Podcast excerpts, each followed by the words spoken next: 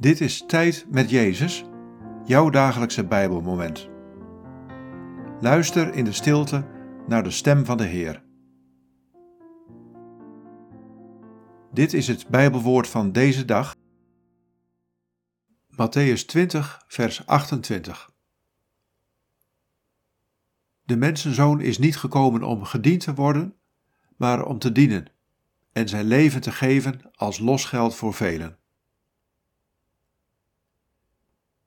Wat valt je op aan deze woorden? Wat raakt je?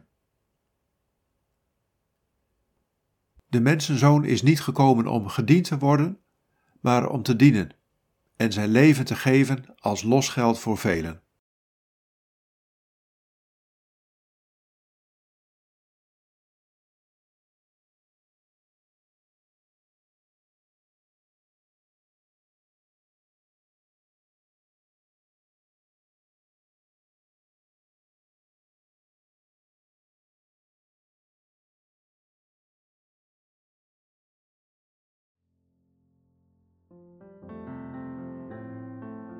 Ik ben gekomen om te dienen.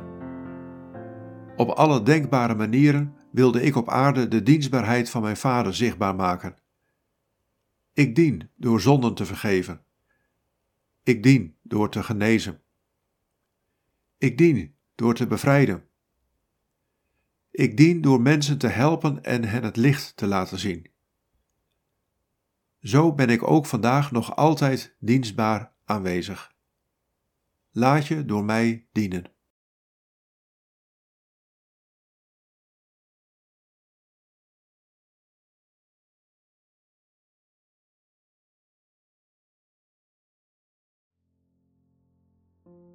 Bid deze woorden en blijf dan nog even stil in de aanwezigheid van Jezus. Jezus, dank u dat u dient.